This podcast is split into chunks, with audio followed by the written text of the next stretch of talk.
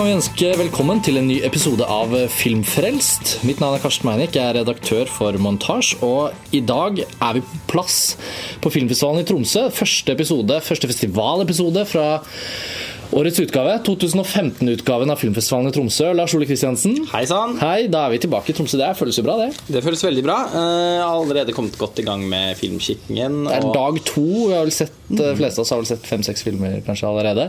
Sveinung Vålerengen, du er også her. Mm, hallo. Hei. Tilbake på TIFF. Ja.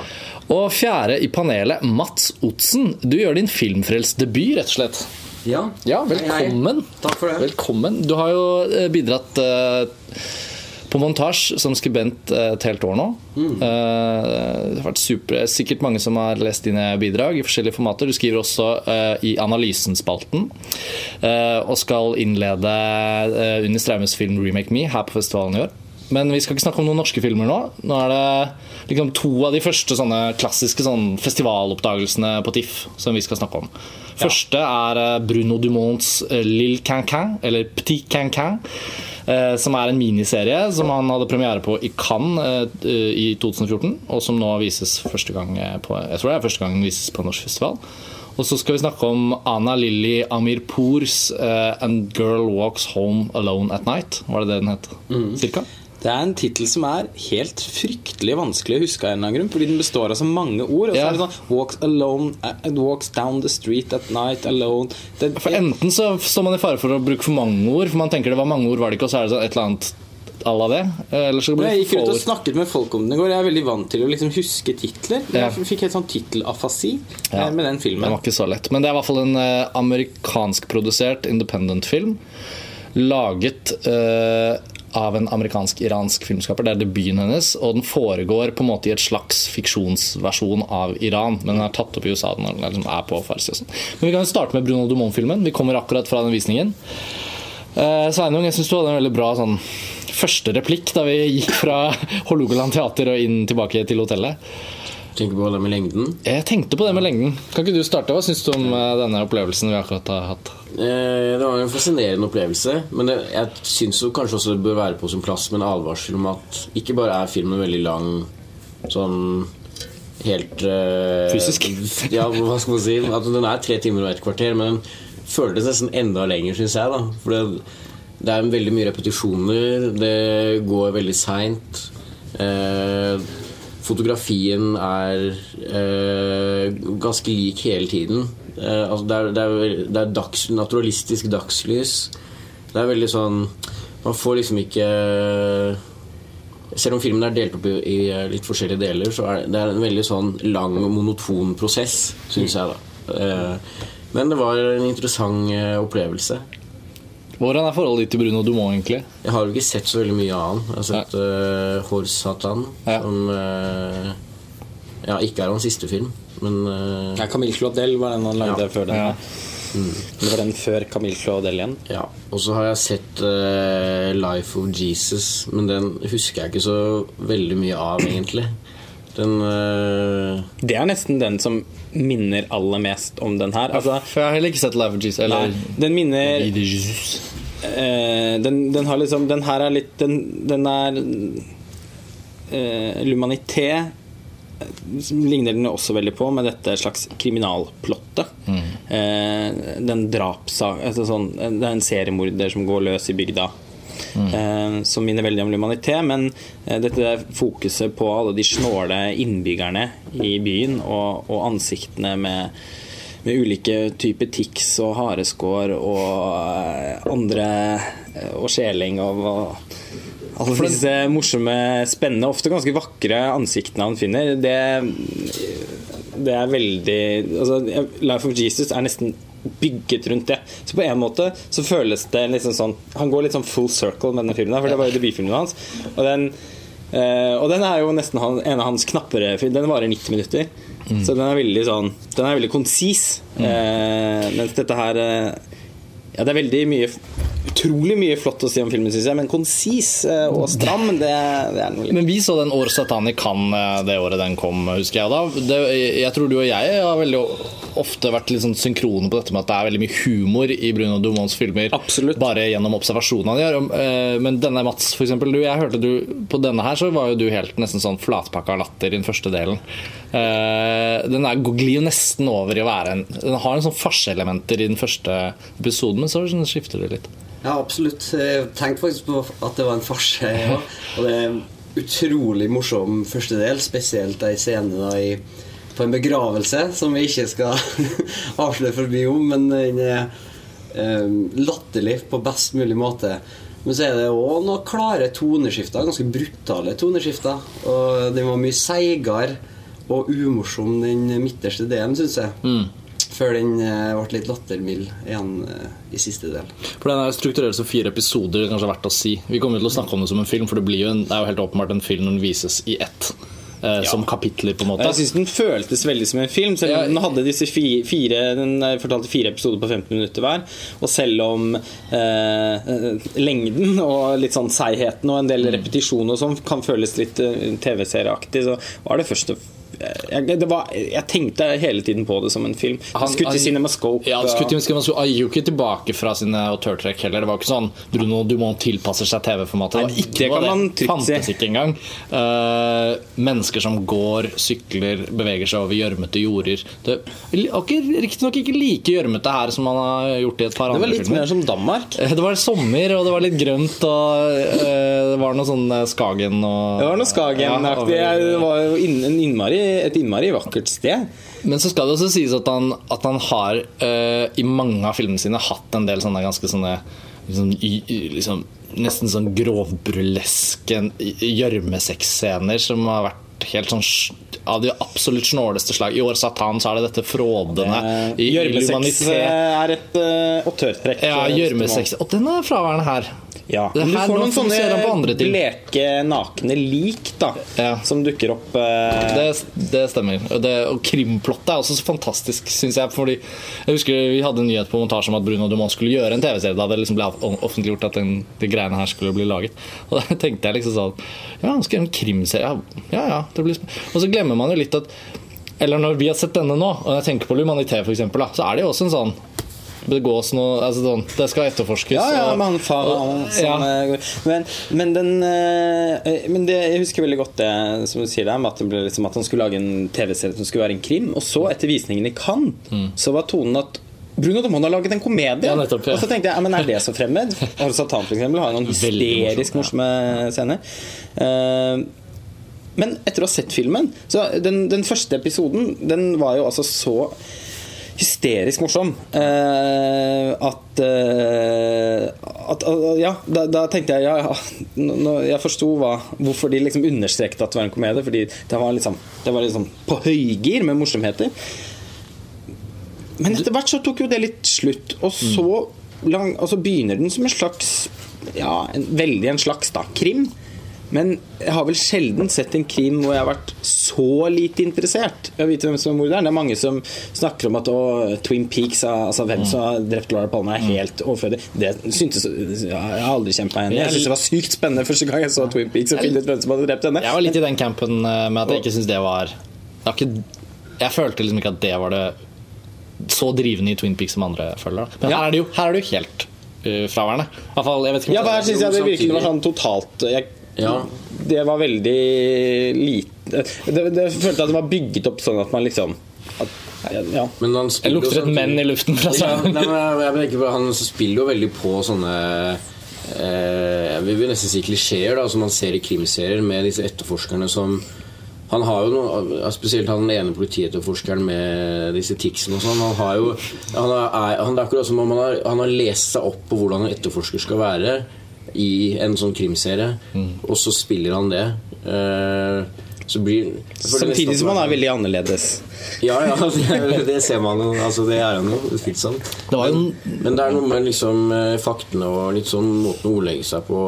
Flere sånne ting. Altså, jeg føler at eh, Bruno Mont også nesten gjør en slags sånn parodi på sånne eh, TV-krimserier. Altså På en måte kanskje fordi han vier såpass mye tid til den slags eh, etterforskningen. Men eh, jeg føler at det først og fremst er der på samme måte som i Lumanitet, da, som et sånt, som et sånt fremmedelement. Altså noe som igangsetter en uro.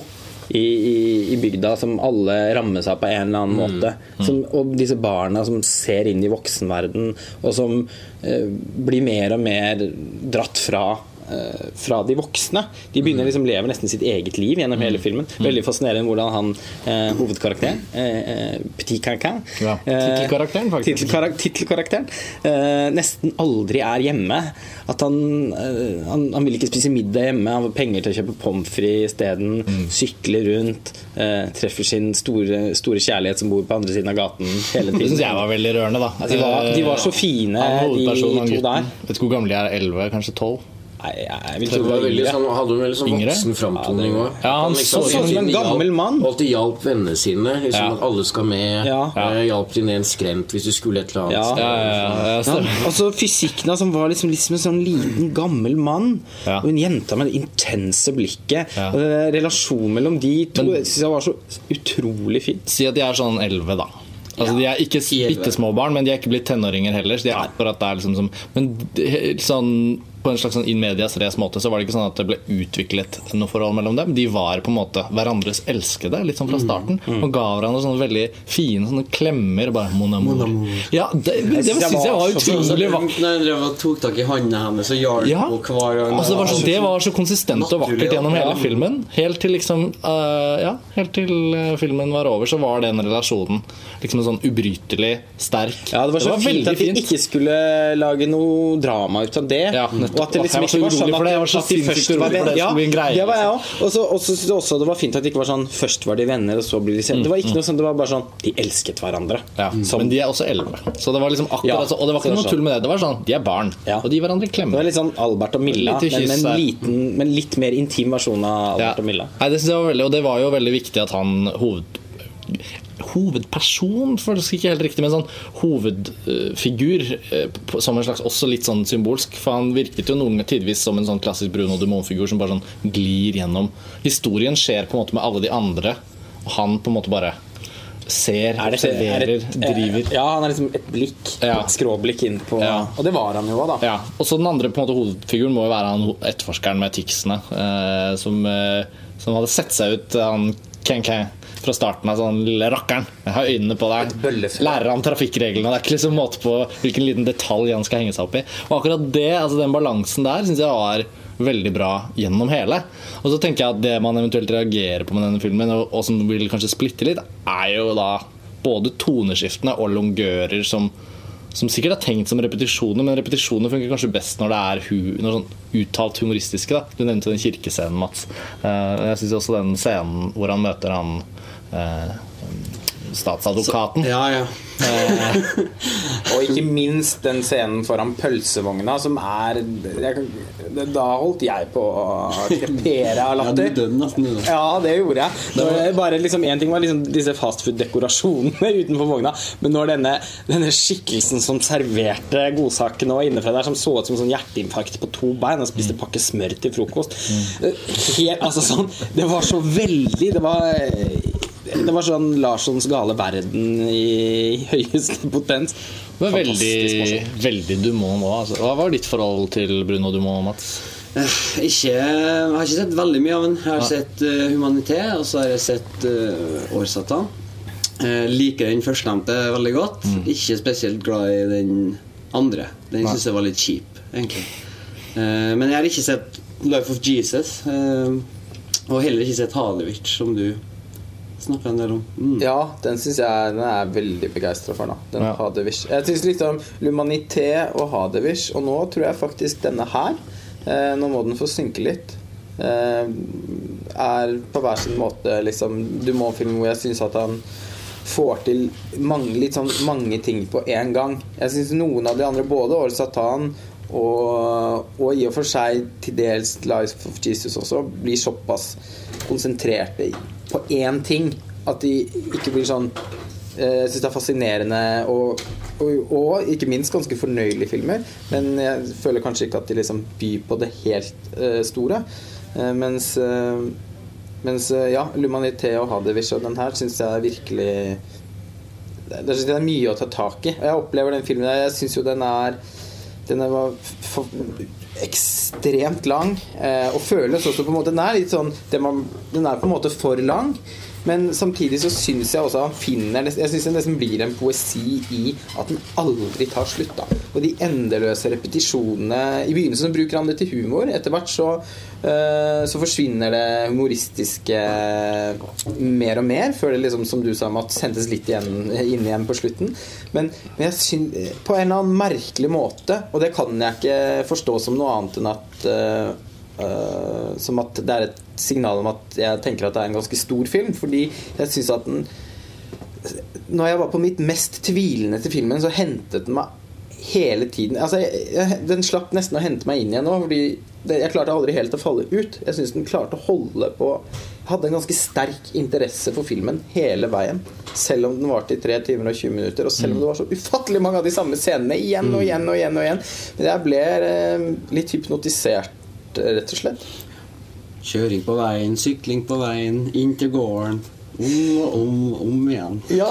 Men så var det jo også en gradvis utvikling i f.eks. i brutalitet. da Ikke det at det var så veldig Jeg følte jo, følte jo på en måte at det er såpass stilisert, hele universet, at det var ikke sånn at disse dødsfallene gikk inn på meg. Men etter hvert som det kom flere, så kjente jeg jo liksom også på at stemningsskiftet handlet litt om det. da Han etterforskeren ble gradvis mer sånn eksistensiell i forhold til liksom, men dette er djevelens verk. Liksom, når den tonen der begynte å liksom gjøre seg litt mer gjeldende i etterforskningen, eller i hermetegn etterforskningen, da, for den er jo fremdeles bare en sånn glir, glir mellom fra gård til gård, fra bytorget til nytt dødsfall, nytt dødsfall. ene snålere enn det andre. Liksom.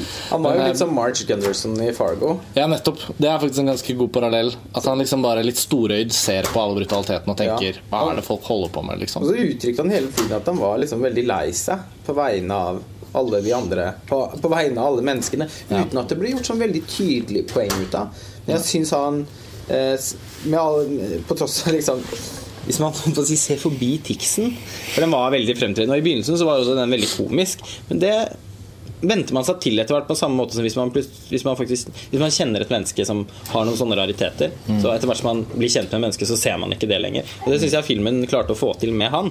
Eh, og da syns jeg han hadde den melankolien som han uttrykte, ganske sånn subtilt, egentlig, syns jeg var Det er interessant, for jeg, jeg opplevde han også som ganske feig, og jeg følte at den feigheten ble mer og mer tydelig. Og dermed så irriterte jeg meg også mer og mer over han i takt med at jeg ble mer og mer vant til Tixen.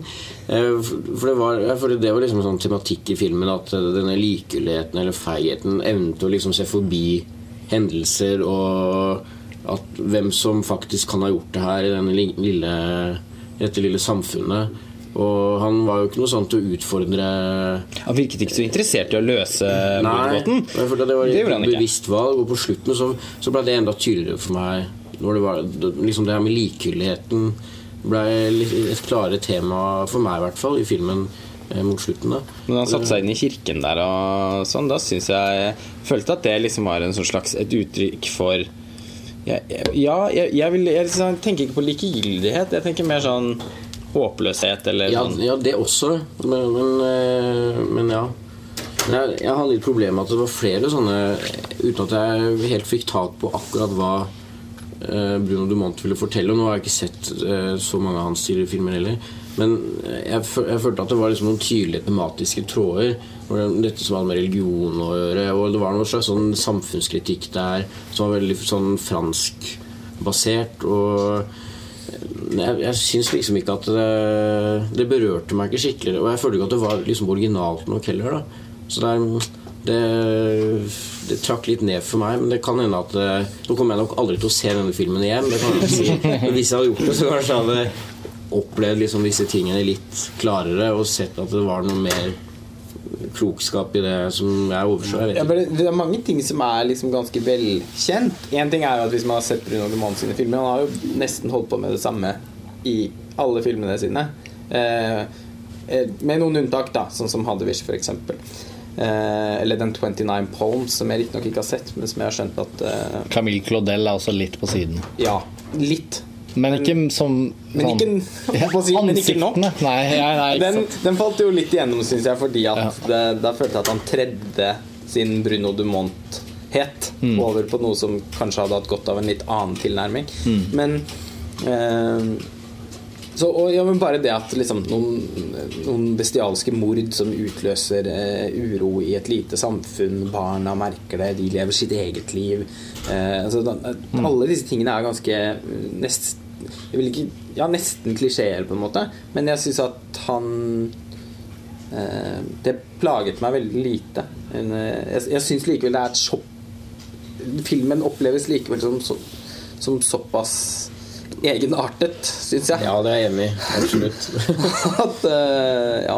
Den er skapt for sånn festivalminne òg. ja. Hvis den hadde Det er ingen det- som så den der i dag, som kommer til å glemme den. Nei, nettopp. Og, men, eh, men det paradoksale er jo at når den tross alt er en miniserie, da, og sikkert distribueres som det, mer enn at den distribueres liksom som en kinofilm, så kan jeg jo liksom faktisk på en litt humoristisk måte se for meg en fremtid hvor den type kanskje vises på NRK2, og så havner den i NRK nett-TV, og så er det en sånn miniserie, fire deler, krim, fransk, noen klikker, og så kommer den første kaffen som setter seg i halsen. Altså sånn, den første episoden tror jeg faktisk kunne Den, den kjenner jeg mange som hadde likt. ja. Den, den var så liksom Sånn Larssons gale verden, Jacques ti, Monty Python. Monty Eh, Python, ja. Altså sånn, det var liksom eh, Ja, det, det, det, var jo Det var jo veldig Der var jo filmen på sitt absolutt mest sjenerøse, selv om den også var helt ute. Men jeg bare tenker på den serien Responsen i salen må sies var jo også veldig, veldig god. Det var veldig god sted. Det var ingen som gikk. Noen tok toalettpauser og sånn, men jeg, Og ja, gudene vet hva som var responsen til slutt. Jeg vet ikke, men Nå tenkte jeg på den første episoden. Da, Ja, da var okay, jo ja. salen, Nei, jeg følte- jo salen av begeistring. Jeg følte publikum var veldig sånn konsentrert og godt Ja. liksom spent med filmen gjennom hele filmen. Men jeg, altså, jeg følte jo på det samme deg, Sveinung, selv om jeg likte den veldig godt. Jeg kjente jo at filmen var lang, liksom. Eh, Var det du som sa det da vi gikk derfra, Lars Ola, at vinterstøvn er like lang? Eh, Nori Bilge Jaylands vintersøvn, som vi nettopp har hatt en podkast om. Det og ut som Terminator 2 i sammenligning. Nettopp, mange har hatt den på topplisten vår, og vi snakket jo om det på podkasten. Liksom, make no mistake, dette er en veldig sånn sjokkerende, underholdende, Ja, ja. drivende film Ja, på tross av sin lengde. Og det er, eh, synes jeg er en god sammenligning. Da, at 'Vintersjøen', som er like lang, føles uh, halvparten av lengden til uh, denne filmen. Ja, enda litt kortere òg. Kanskje enda litt kortere. Men, men jeg, ja, jeg, føler det er en anbefaling, og særlig hvis man har da Som jeg tror det er mange av lytterne våre som er da, litt spesielt interesserte, så er det jo virkelig noe å oppsøke, egentlig. Om ikke for noe annet enn i hvert fall bli enda bedre kjent med Bruno Dumont. Med litt sånt herlig format. Blanding av liksom komedie og krim, og så et eller annet annet som den skifter til. Jeg vet ikke helt hva vi skal kalle det det. er absolutt verdt å se, og det er jo et merkelig og særprega univers han tegner opp som er interessant å være i. Det er ikke alle elementer i det universet er like, like godt, men eh, jeg vil absolutt anbefale Ja. å se den. Ja. Nei, det ja, det er stor tommel opp fra, fra meg Ja. på den filmen. Jeg, og den skal få synke litt òg. Ja, for det, det står ikke på ting man kan grave seg videre begeistret. eh, Det står ikke på ting vi kan grave oss videre ned i. Men i og med at dette er festivalformatet vårt, så skal vi også liksom rekke å snakke om den andre filmen òg. Men eh, Og for de eventuelle Dumont-fantastene Ja. der ute blant lytterne våre, så er det jo bare å oppsøke første Ja. mulighet til å få sett den. den er allerede utgitt på Blu-ray i Frankrike, vet jeg. Men jeg vet Er den det? Ja, den er det. Ja. Med Men engelsk tekst. eh, det vet jeg ikke. Jeg bare vet at den er det. Men den kommer antageligvis enten på en strømmetjeneste eller på en TV-kanal. Det kan jeg se for meg. Vi får se. Den andre filmen er noe veldig, veldig annet. Uh, har du har, Mats, har du lyst til å prøve deg på en liten plottoppsummering? Hva er det 'Girl Walks Home Alone at Night' handler om? Ja, det handler om? Hva regissøren kalte vel en uh, uh, iransk vampyrspagetti-western? Og det stemmer nå ganske godt, egentlig. da Det er vel litt sånn revisjonistisk vampyrfilm med ei interessant jente som går rundt og dreper noen mennesker, blir kjent med andre mennesker. Ja, Det er egentlig en god oppsummering, det. Jeg har ikke, Det var jo ikke plottet film. Nei, jeg, jeg følte Det var ikke plottets film. Eh, rett før jul, i forbindelse med arbeidet med topplisten fra 2014, så fikk jeg endelig sett den Pavel Pavlikovskis 'Ida', som var en film mange hadde snakket om i løpet av 2014. En veldig god film. Um, og det rett etter denne A Girl Walks Home Alone at Night, så tenkte jeg liksom sånn Det var liksom sånn Jim, litt sånn Jim Jarmers-aktig, litt sånn revisjon sånn, Litt sånn kult med kul musikk, sånn svart-hvitt, tøft univers. Og Pavlikovskis sånn svart-hvitt jente i sånn Der var det nonne, her er det en sånn eh, muslimsk sånn eh, Det var jo ikke helt en nikab, og det var ikke, helt, det var ikke en hijab. Og det var ikke bare et slør, for det var liksom en sånn kappe. Jeg vet ikke hva den heter. Men kappe, kanskje? Morsomt. morsomt. Men eh, jo, altså dette, liksom disse liksom halvkoniske bildene fra Pavlikovskis Ida, med henne i den non, altså sånn dette lille ansiktet pakket inn av eh, tekstil som liksom kikker ut mot verden. Jeg fikk sånn tidvis litt sånn vibrasjoner på det på det visuelle, men så var jo denne liksom sprengt ut i widescreen og Jeg tenkte ganske mye på Xavier Dolan. Ja. Ja, og så var det noe sånn Dolan-aktig Og det var sånn, ikke Ida. Nei, nei, nei, nei, jeg mener ikke at dette var lignet ikke så mye på Ida, men Skjønner hva du mener. For å kunne plassere Bildene, filmen litt. Noen, noen av de visuelle komposisjonene de var veldig flotte òg. De, eh, ja, jeg synes det de gikk rundt i kappa, eller hva vi skal kalle det. Ja, så føler, jeg syns jo da den derre vampyrfilm og horror er ikke noen spesiell eh, favorittsjanger. Eller noe, ikke noe jeg oppsøker i seg selv. Og det der rev- revisjonistiske aspektet med at liksom hun var en vampyr, men det var ikke liksom det var ikke sånn at det var helt sånn at hun heller skulle leve opp til vampyrfilmsjangeren. Hun var litt sånn Hun var vampyr og liksom tok sine valg ut fra det.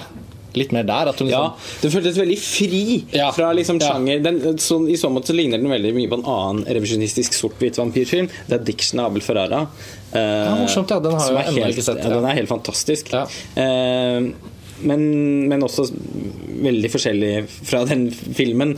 Eh, hovedsakelig pga. at stil, altså stilgrepene i denne filmen er veldig prangende. Eh, det er der, eh, det er der ja, derfor jeg assosierer til Xavier Dolan. Eh, fordi veldig store deler av filmen består av eh, slow motion sekvenser skutt i slow motion til musikk. Eh, fordi hun eh, vampyrjenta er jo musikkentusiast. Mm. Særlig svak for 80-tallsmusikk. Mm. Hvis man ser inn i leiligheten hennes, så er liksom, eh, veggen bak senga tapetsert med Michael Jackson, Thriller og Madonna. Bee Gees. Og Bee Gees. Eh, Da tenkte jeg på det hvis du dere napper vekk, eh, hvis du napper, napper vekk Bee Gees er etter mitt hjerte. Da tenkte, kunne ikke jeg unngå å tenke på det dere har fortalt om Only Lovers Left Alive, hvor vampyrene gis en slags sånn derre de, har vært- de har vært med på alt, så de kan referere til liksom kunstner- og kulturting som liksom har skjedd over jeg vet ikke, 100 kanskje. En enorm eh, Eh, kulturhistorisk Nå har ikke jeg sett den filmen, men bare basert på det dere har fortalt om den, så tenkte jeg liksom at ja, det var litt av det også, kanskje. det var det. Uten at den visste det. da Jeg vet ikke om de Ja. filmene ble laget samtidig. Eller. Ja, på akkurat det tror jeg nok det men rytmen og alt i den filmen er helt annerledes. Ja, helt annerledes, men bare det at liksom, hun hygger seg med å sette på de vinylplatene Ja, ja, sånn ja. fra 80-tallet, det var jo, det var jo en, en litt On the Lovers Left Alive-aktig.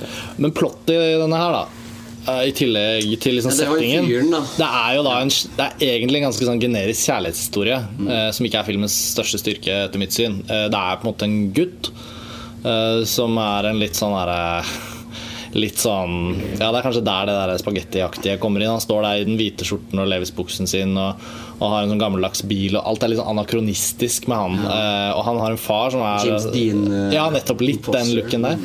Han har denne heroinavhengige, eller Det var det kjipeste med hele filmen. Det er en sånn far-sønn faren. ja, sånn far-sønn-relasjon hvor faren eh, ligger hjemme på, matt, på liksom sånn derre uh, vatteppe på gulvet og er heroinavhengig, og sønnen liksom eh, strever med det. Ikke så glad i faren sin egentlig heller, men litt sånn likevel. Og så er det en sånn Jeg det var veldig utroverdig at de hadde en så på en måte så nær relasjon. ja, ja, og de første 20 minuttene av filmen hvor, Eller 15 minuttene av filmen hvor det bare er med han, så var jeg veldig sånn Oi, dette var ikke den filmen jeg trodde dette kom til å Eller sånn. Ja. Men så var det noe med det visuelle. Jeg var liksom, og Særlig åpningen, helt i åpningen når han går over den broen, og så ser man at det ligger sånn 50-60 lik Ja, i en sånn tørket elv. Da tenkte jeg litt sånn Ok, nå har den satt en eller annen tone. Alle vi som la merke til det, kan liksom vente på et eller annet eh, Hvis man ikke så det, så eh, gikk man litt sånn glipp av det. Men det med hun vampyren er jo liksom filmens store styrke. Og den der stemningen hun liksom Hun med de litt sånn Dolan-aktige sekvensene, da, med musikken, slow motion liksom Hele den lille byen blir som en sånn her eh, teaterscene, nesten, for sånne sekvenser. Det, det syns jeg var veldig lovende.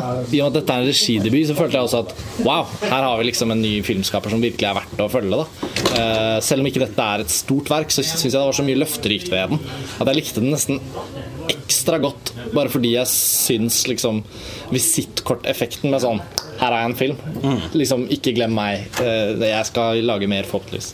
Effektene gjorde at jeg likte filmen faktisk enda bedre enn Ja. den kanskje egentlig er. da Ja, ja, ikke hvordan akkurat, akkurat samme. Jeg tenker Ja. at det her er et potensial og et talent, så jeg ble Ja. litt sånn ekstra positivt innstilt, da, selv om det var en god del også litt sånn Jeg kan kalle det filmskoleestetikk, nesten. Altså, Ja. Veldig sånn utstudert og litt sånn rare valg. Men, ja, men andre valg som var kjempegode, og som jeg tenker viser at vi har en, en spennende filmskaper å gjøre. Jeg vet ikke hvor ung hun er, men eh, Jeg har inntrykk av at hun er sånn rundt 30 eller tidlig 30 år, noe i den dur. Men Det det, ikke, det går litt fort i festivalmodus her, så vi har ikke akkurat researcha så mye fakta på henne. Men eh, hun hadde premiere på Sundance, og det var en veldig sånn god buzz på den i USA i fjor. En veldig sånn I indie-miljøet, liksom. Så hadde den vel amerikansk kinopremiere nå før jul. Og fikk veldig flotte kritikker. ja, Det var litt da jeg merket at denne vil jeg se. For Ja, var det samme- En anmeldelse jeg leste som var veldig interessant og sånn oppløftende. Sånn, Oi, dette høres kult ut. Jeg syns jo filmen egentlig også leverte på de forventningene. Det er bare ikke noe stor film, så det er jo ikke sånn at den her blir stående. Eller føler jeg. Eh, Jeg vet ikke Nei, jeg er enig, med det Mats sier, at det er litt sånn eh, Man kan ikke si at det er en klassisk debutfilm, for den er noe helt eh, for seg selv. Men det er liksom noe med det at det er veldig mange ideer som er kasta inn. Noen referanser som kanskje blir litt for tydelige til andre filmer eller filmskapere. Men at det er utrolig mye å glede seg over her. Da, Ja, det blir spennende å følge med henne videre. Og det jeg synes siden du nevnte Ida, da. Det blir jo sånn Siden begge to er liksom svart-hvitt eh, festivalfilmer, så blir jo jeg, jeg kunne ikke la være å tenke på den heller. Men Der var det liksom utsnittene i Ida. Men jeg syns ikke den filmen var så veldig sånn flott fotografert, egentlig. eh, med de svart-hvitt-nyansene i den. Men det syns jeg den, eh, den her, da. Eh, det var veldig sånn eh, eh, kreativt bruk av lys og skygge og veldig mange sånne gode visuelle ideer knytta til lys sånn, også. det var litt sånn tjukke Enig. bilder, syns jeg. Litt sånn tykt mørke i bildene. Flott bruk av motlys og liksom sånn Det var eh, Visualiteten i filmen var, var i det hele tatt veldig spennende. Og jeg likte at den var så innmari mørk òg. Det var noen scener som Svarte var så svarte, svarte ja. at du nesten ikke kunne se noe annet enn silhuetter. Eh, så jeg er jo da også enig i alt det som har blitt sagt, at, eh, at som en liksom Som et visittkort, som du sier til en sånn eh, Det blir veldig spennende å se hvordan eh, hun regissøren eh, kommer til å fortsette. Eh, men, eh, jeg, men jeg, men jeg syns også filmen har noen klare svakheter. Mm. jeg synes Den første, første halvdelen av filmen var jeg veldig, veldig med. Da synes syns jeg det var en ordentlig fet film. På, med liksom da følte jeg liksom alt det den gjorde, ble så vellykket på sine premisser. Men jeg syns den faller litt sammen i, et, i, den, i den andre halvdelen. Da. Hvor, den- for da føler jeg liksom at det potensialet egentlig som ligger i setningen og i de hintene vi har fått av en fortelling, ikke bare liksom ikke blir innfridd. Jeg føler at det liksom går i litt feil retninger noen ganger. Mm. Så, eller i hvert fall etter min smak. Så jeg syns liksom ikke helt at det Det ble liksom ikke helt en fortelling. Og det er ikke alle filmer som trenger å være det.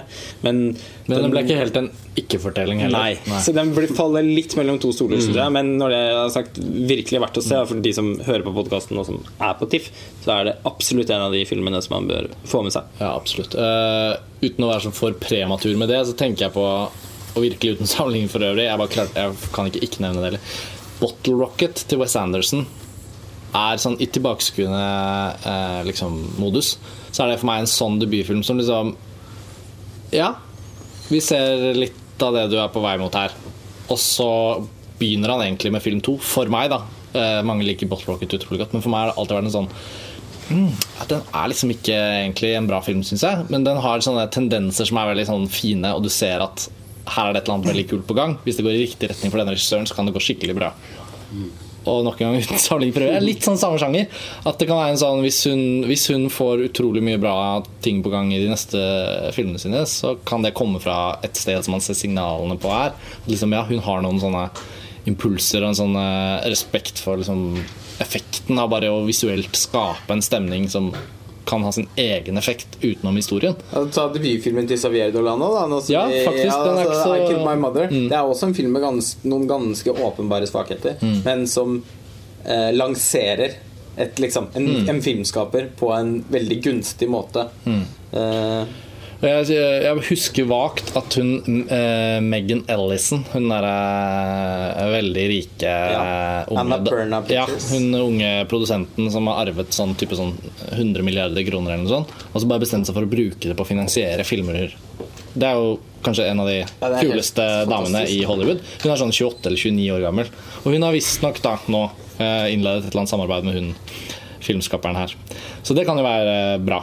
Ja. I forhold til kunstnerisk frihet og i forhold til liksom sånn nå skal du liksom få gjøre det du vil. Og. Det har blitt liksom en sånn havn, sånn som han Ben Zaid Zaid. Ja, er i Frankrike. Ja, ja. Polanski og For Polanski og Brian De Palma og David Cronenberg. Ja, That's så det. stars, en Ben Zaid Zaid-film. Det er morsomt. Ja, nei, så Det er 'Girl Walks Home Alone at uh, Night'. Jeg, ja, ja, helt enig med deg. Den føles som en sånn TIFF must see. Hvis Ja. det er noen som hører på denne podkasten umiddelbart og har muligheten til å kaste seg rundt og se denne filmen på TIFF. Uh, av disse to så føler jeg nok at Bruno Dumont-filmen er den mer sånn tungtveiende sånn Denne skal bli bra å ha med seg gjennom året. Jeg er verden av forskjell. Ja, ja, så det må ikke være noen misforståelse der. Eller jeg vet ikke med dere andre, men for meg Sveinung, du er kanskje litt på gjerdet i forhold til den sammenligningen. Eh, nei, jeg er enig, men eh, vet, altså, jeg vet jo hvem av de to jeg liksom, innerst inne satte mest pris på å oppleve en film. Eh, Og det var, det var ikke Bruno Dumont. nei. Vanskelig å sammenligne. Ja, det er veldig vanskelig å Du kunne funnet på å se 'Girl Walks Home Alone at Night' igjen. Ja, det kunne jeg. Ja. Men du kunne sett den første episoden av Butikkaka igjen. ja, det kunne jeg også. Ja. Pølsevogna. Ja. En eller annen form for enighet rundt bordet, i hvert fall. Uh, vi skal fortsette med Ja. Vi skal fortsette med festivalepisoder fra TIFF, selvfølgelig. Uh, vi kommer tilbake med mer om mange andre filmer. Dette var første runde. Mats, føles bra å ha deg om bord på Filmfrelst. Jeg regner med at ikke dette blir siste gang. Nei. eh, Vi får garantert ikke det. artig. Du, nå lager vi jo flere festivalepisoder òg, så Og dette var jo levende live, Sveinung, så ikke noe Skype-problemer denne gangen. Helt topp, det. Veldig bra. Takk for at dere hører på Filmfrelst. Eh, Sjekk ut montasje for hele festivaldekningen vår. Der er det både videointervjuer og omtaler og mye annet snacks. Hvis dere er på TIFF, kom bort og si hei. Det er alltid veldig hyggelig. Eh, Vi er tilbake veldig snart. Ha det bra. ha det bra.